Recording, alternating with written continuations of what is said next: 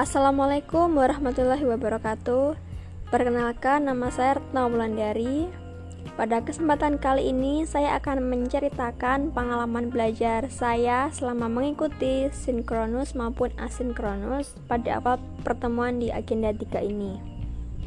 Hari ini saya datang ke sekolah lebih awal karena persiapan Zoom dimulai jam 7 tepat Zoom meeting dengan Pak Ano hari ini alhamdulillah dimulai tepat waktu.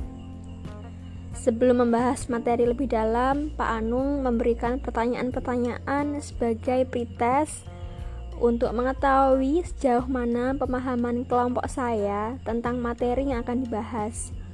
Alhamdulillah, tadi pagi saya sudah mempersiapkan diri dengan mencari materi dari YouTube karena saya tipe orang yang lebih cepat memahami materi dengan mendengarkan.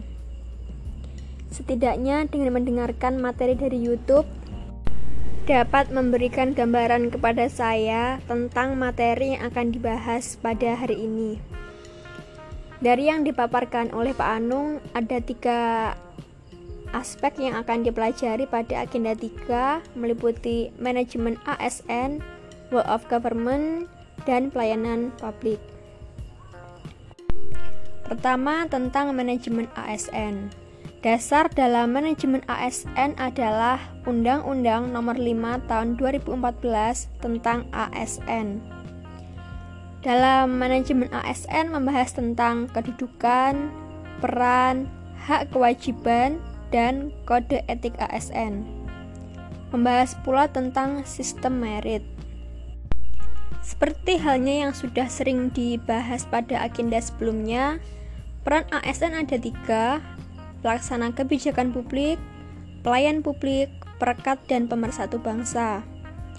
Dengan mempelajari manajemen ASN dapat memberikan gambaran ketika seseorang sudah masuk ke dunia birokrasi dan menjadi ASN. Apa hak kewajibannya, bagaimana meniti karir, apa yang baik dan tidak baik untuk dilakukan, dan lain sebagainya.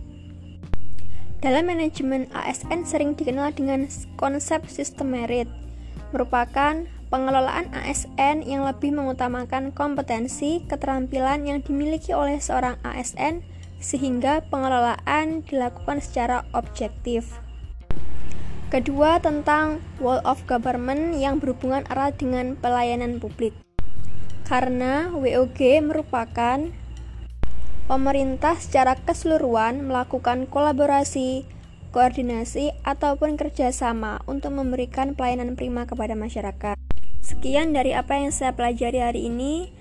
Wassalamualaikum warahmatullahi wabarakatuh.